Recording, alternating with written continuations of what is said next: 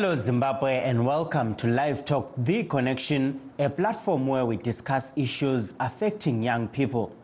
We are coming to you live from Studio 7 at the Voice of America in Washington. I am your host, Taboka Ngube.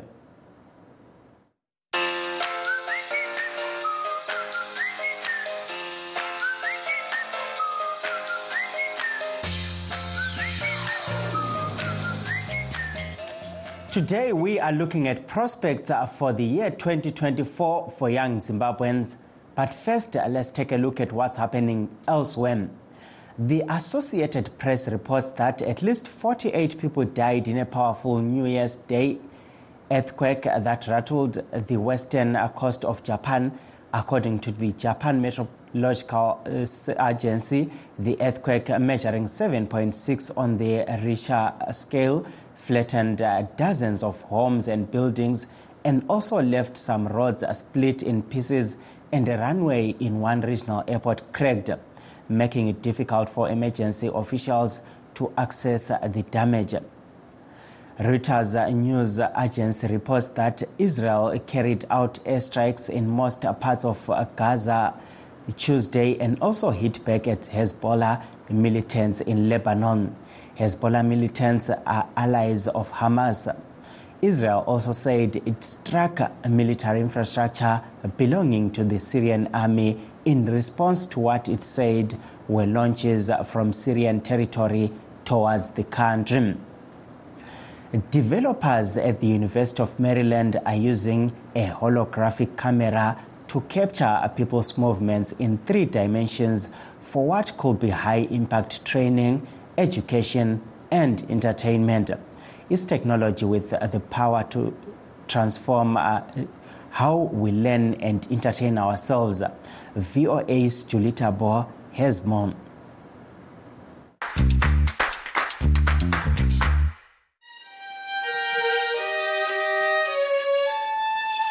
Concert violinist Irina Morishano may be playing for a non existent audience, but not for long.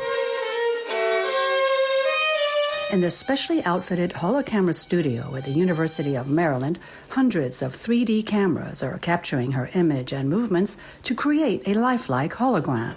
Her holographic twin can then be placed virtually into any setting so that someone with a virtual reality headset can feel like they're watching her live. In this prototype, Morishano, who is also an associate professor of violin at the university, appears to be performing from a famous concert hall in Romania. My wish was for me, or for my hologram, I should say, to be put on the stage of the Romanian Athenaeum. So we hired a team to film the Athenaeum so that when someone would watch uh, this recording of the Romanian piece, they would see me on the stage of the Athenaeum. Amitabh Varshney is Dean of the university's College of Computer, Mathematical, and Natural Sciences. We believe that virtual and augmented reality experiences, which are immersive in nature, help us recreate the world in a much more precise, accurate way than we would ever with just a desktop monitor with a keyboard and a mouse. Using advanced holographic imagery to allow viewers to virtually walk around the action has applications well beyond music and education. The Holocamera team is developing a prototype for performing arts that it hopes can be expanded into remotely training healthcare professionals in intricate medical procedures, including surgeries. Julie Tabo, VOA News, College Park, Maryland. For those uh, that have just joined us, uh, please note that we are streaming live on our Facebook pages uh, VOA Shona, VOA Studio 7, and VOA Ndebele. We are also live on YouTube, VOA Zimbabwe. Today we are looking at prospects for the year 2024 for young Zimbabweans. James and Leroy Kwati from Highfield in Harare say they hope 2024 will bring better fortunes. Ya 2023 anga rigore ranga rakabatikana pakuti mari yanga singatenderere saka ichiona kuti mugore ra2024 zvimwe zvinhu zvikarongoti rerukika mamwe mabasa udai nekudai so zvinhu zvikatamanuka. Ha inga igore rakandinakirawo zvotarisa zvawani va2024 ndozuva rekuti gore rekuti zvinhu zvedu zvinenge zvarisunungurikirawo mhaso yedu isiri madhipirismhaso redu refanira kunge rarisunungurirawo pasina chii zvinotitsoma tsoma maibata but ndimuri kunzi muri kutsomwa nemadrugs kamageto youth imi mawakomana chii chiri kuitika? Mai mukatsomwa nemadrugs zvinhu zvenyu zvinozofamba here? Magoals enyu amuri kuda kuachivha 2024 ai panyaya inonetsa pakuti kutsomwa nemadrugs ichoisi yaunoita mulife mako. Isusu kuside kwedu hatiite zvezvo zvatongoda gwedu kutsvaga mari. Tikabata mari dzedu toenda kudzimba dzedu. Pasina ari kukwara kana kuti kubirwa because without him there's something 2024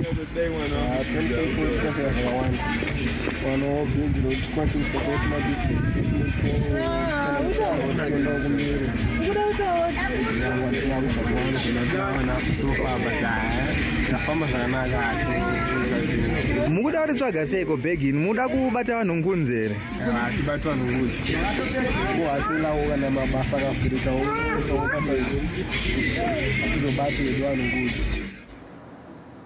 That was uh, James and Leroy Kwati, based in Highfield, Harare, Please uh, stay tuned as we take a brief break. In times of change, when the world seems uncertain and what we hear doesn't reflect what we see, we seek the truth. When we are told only part of the story, we lose trust. In moments of crisis, our dreams, hopes, and wishes for a better tomorrow depends on a free press. At Voice of America, we bring you the stories that people take risks to see. We connect the world and unite it with truth. At Voice of America, we show you the whole picture. Today, we are looking at prospects for the year 2024 for young Zimbabweans. E, apo patiri kutarisa kuti vechidiki chii chavakatarisira mugore ra2024 uyezve tichitarisa kuti nemamiriro anga akaita gore rapera chii chavangada kuti mugore ra2024 vange vachizadzikisa sikhangelakela panawo kuti umnyaka ka2024 abasakhulayo kuyini abakukhangeleleyo kanye lokuthi eh bangafuna ukuthi bafeze ziphi izinto ngomnyaka ka2024 Yes, to discuss this issue, we are joined on the phone by Senator Nonhlanhla Mlochwa of uh, Triple C, and we are also joined by the Mtwagaze Republic Party Youth Chair, Mkululi Ijele. Welcome to Live Talk.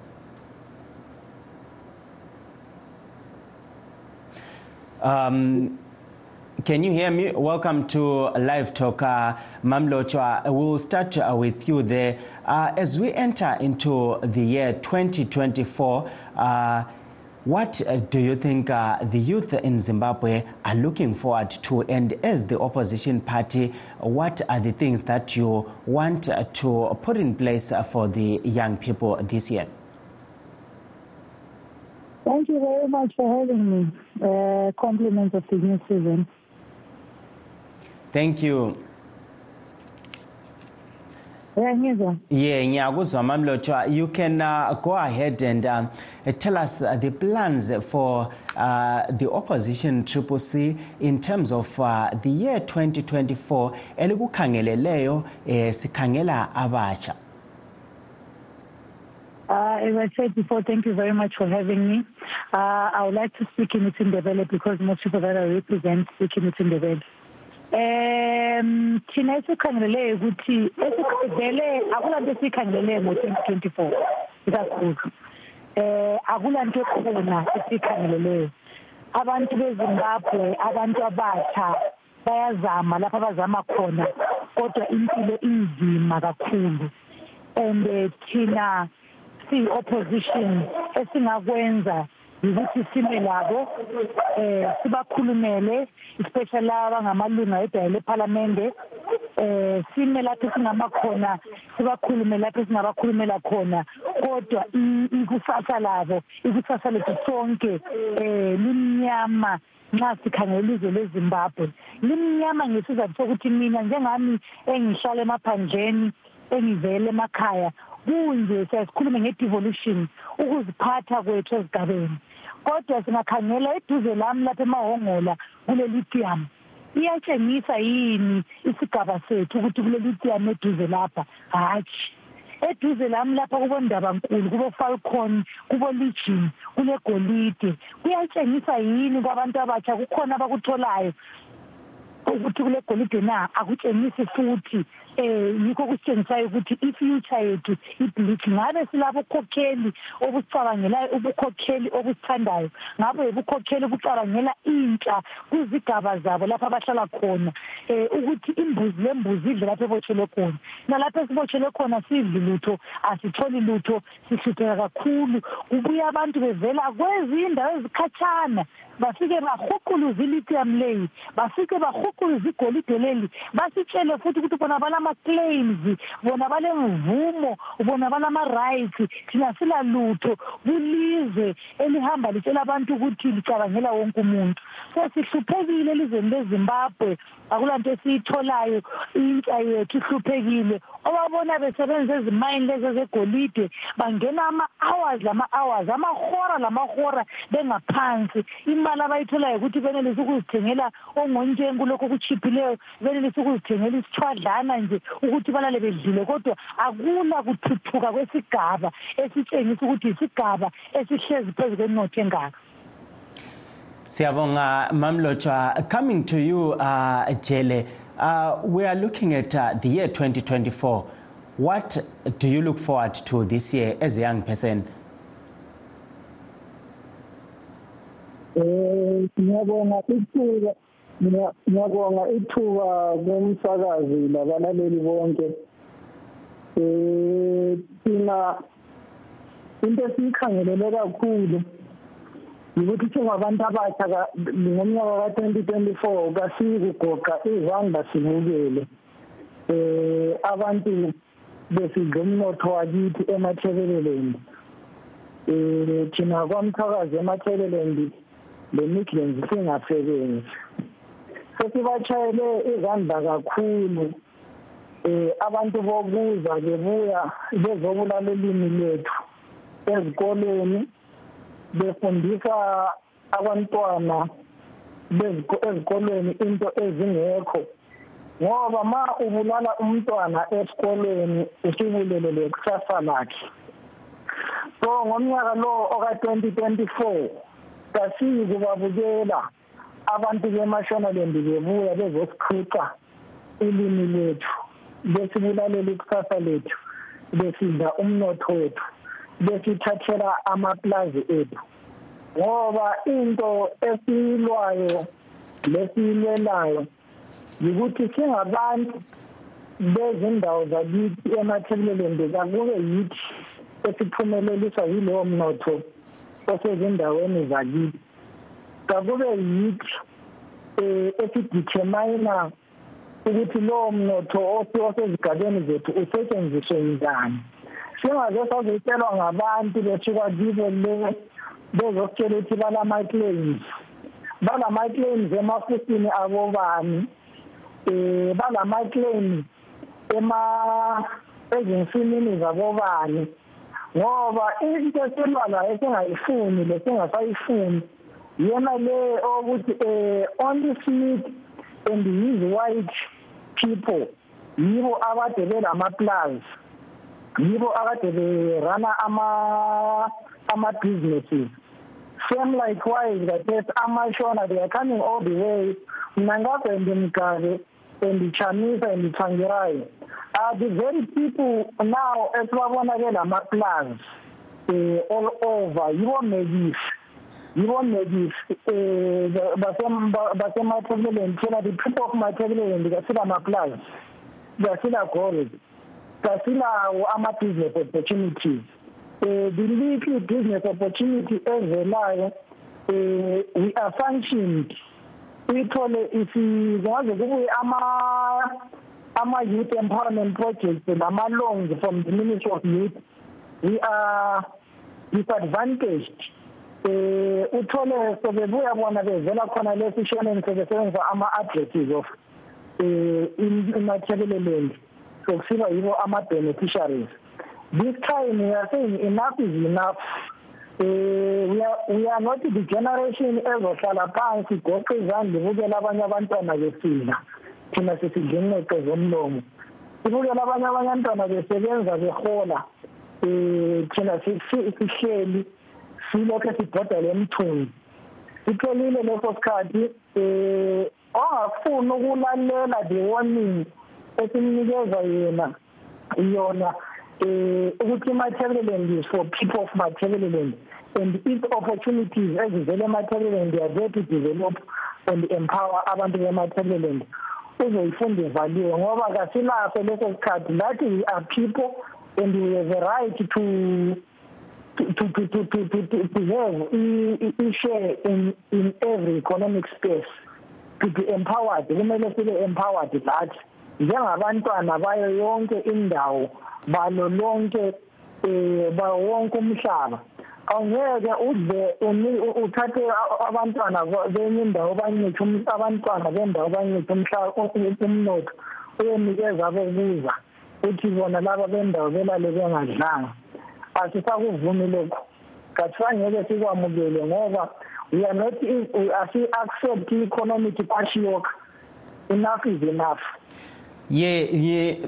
Thank you uh, there, Mr. Jele, on uh, your contribution. Um, but from what I, I understand, uh, you came with uh, more of uh, complaints and I, I, what is the plan in terms of solving some of these issues that uh, you are complaining about? I'll leave uh, this opportunity to you, uh, Mamlocha, to say what can be done to solve some of, the, uh, of these issues that you are raising. Uh, I understand, yes, uh, you are saying. Uh, some of these things are not within your power.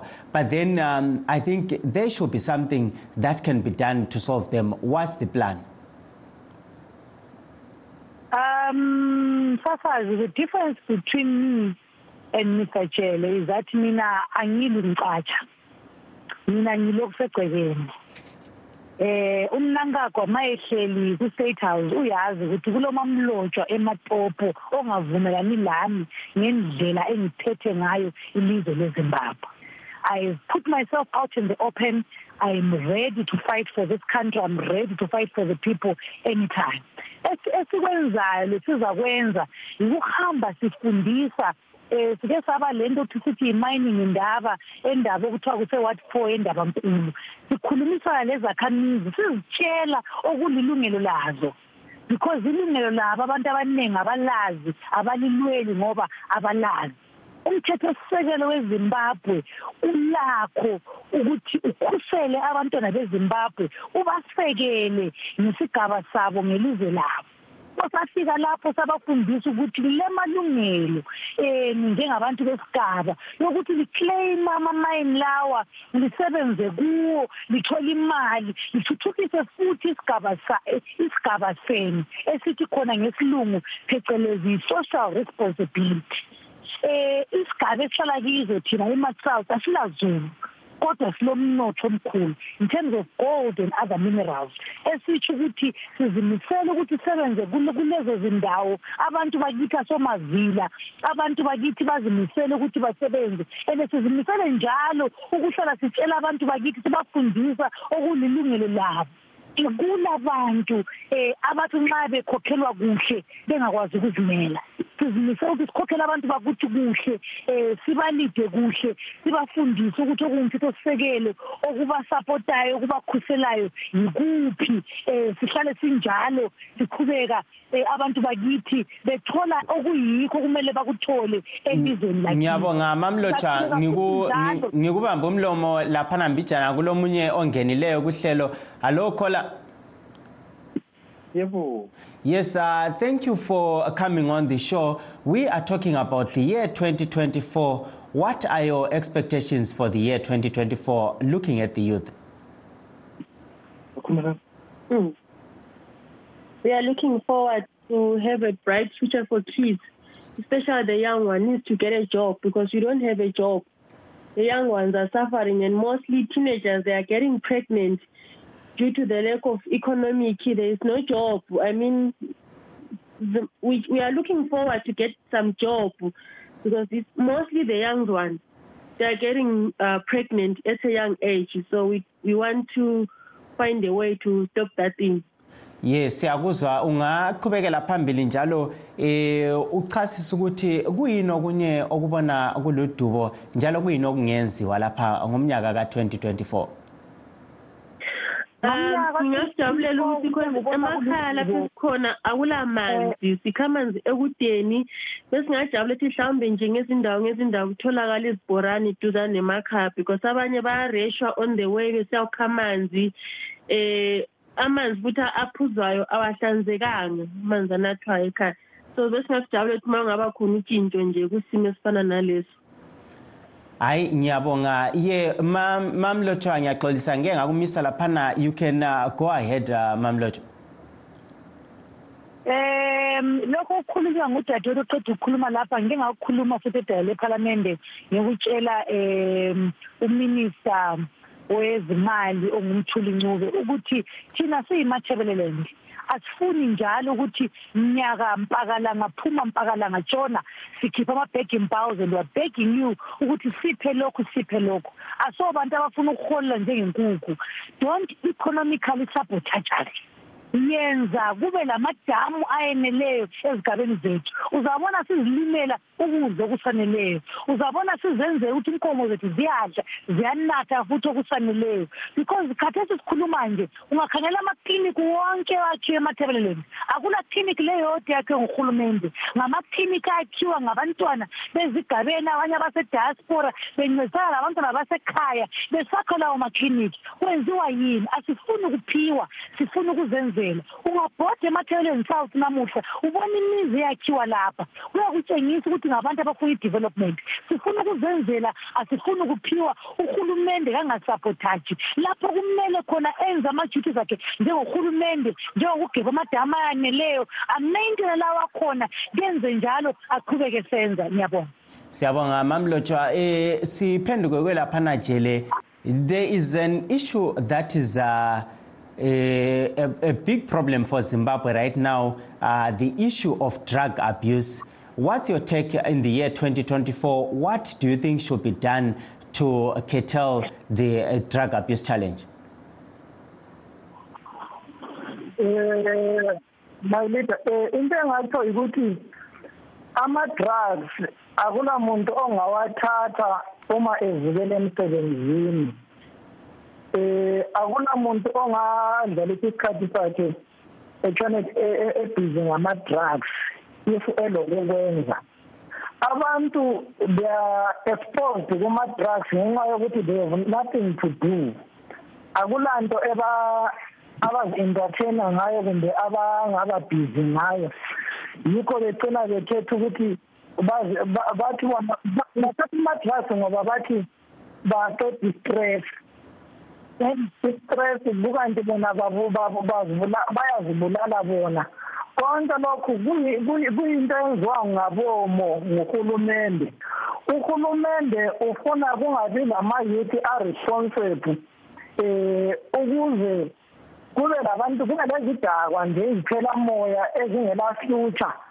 Eh yinto ayifunayo le akufanto kuthiwa akusiyi mistake enzo uhulumende into ayenza ngabomo to destroy i-future so that eh abantu bebe kungabi le youth responsible siyabonga. I- ngi- sibona njalo abanye abatsha sebeqalisa ukuthi bayabaleka elizweni bephume elizweni. Ubona ngani lokhu kuyinto ephathisayo na? Kuyinto engaphathisa abatsha? Eh ukuphuma kwabantu elizweni kakuqalisi namuhla ngalomnyaka ka2024 yinto eyenzakele kusukela eh ilizwe lithathwa kuthiwa libuyile eh ngo1983 uqala ukubulawa kwabantu. Abantu bahle baqala ukuphuma elizweni babalekela impilo yabo. Eh kubuya isaphu okobo abantu bexotsha izuthi ixotsha emsebenzini ngongobaba bethu kungokhulu bethu eh ngaleyo minyaka bexotsha emsebenzini ne-isap kuvala ama-industry kobulawayo eh abantu bephuma besiyadinga imisebenzi emazweni. Ukuphuma kwabantu kuyi-strategy sezanu lamashona so that bona they occupy imathebeleland elakomthwakazi. Izinto ezenziwa ngabomo this is wabona even those political parties abaclaim ukuthi they are in parliament. They are not even raising those issues ukuthi eh abantu badliwa zingwenya kangaka ngoba sikhuluma this is january baba eh esikuye izulu liyana baningi abafowethu eh inyanga lezi abazothathwa ngulimpompo abazothathwa ngumkhwebana eBotswana eh besiya kuba ikudla kwamanzi lezingwenya lezimvuku so izinto ama problems onke lawa ngama problems acreate izano lamashona eh ukuze abantu abantu bemathebeleni bebe displaced bengaphindi bangakwazi ukuthi bebe lento abayiyakhayo. So yikho sithi thina this year we will not we will not tolerate any nonsense eyenza abantu bakithi bebe displaced.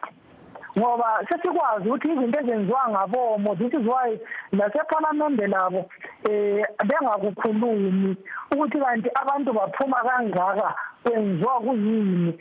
Abantu badliwa zingwenya kangaka kulimpompo eh why can't we create jobs for abantu bona laba? Why can't you uh, bring ama empowering projects kubo laba abantu so that eliziyethe this thing yokuthi abantu bese kangaka abantu bedliwe zingwenya abantu behambe kangaka emazweni. Siyabonga eh jele laphana. Eh mamlotshwa ungagqiba uhlelo namhlanje yiwuphi umbiko ongaba lawo kwabasakhulayo sikhangela umnyaka lowo oka 2024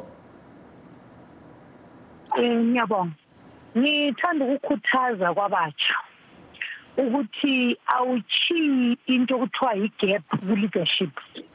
Awuchiyi into okuthiwa yi-gap kubukhokheli ubusu-expecta ubusukhala ukuthi kufika abantu baphatha bevela kwenye indawo. Abantu bakithi abakwazi ukuthi as long as ubhutijele expect ukuthi emathebeleni ndiphathwe kabuye azoyiphatha kabuye azoyenza izinto awusozoyenzela izinto ukhathana nini igoli ngayihlala thirteen years. And i came back to zimbabwe. Ngabona ukuthi angizophatha because no, akula muntu ozaphatha njengami. Akula muntu ozakhuluma njengami. Ubhutijele kahamba ayebala into kuthiwa yi-hansard abona ama-contributions esesiwenzile njengama-opposition leaders in parliament. Isikhathi leso singene kiso. Singene isikhathi esilutshwane and Thank made you. contributions. Futhi ngolwimi lakithi lwesindebele kwasiqhubekeni siphatha i-governance ifuna thina umbuso ufuna thina. Fuze ukhulume ukhatshana uthi ngizaphatha asiphatheni bantu bakithi asiphakameni sizimele sizilwele ngiyabonga Ngiyabonga.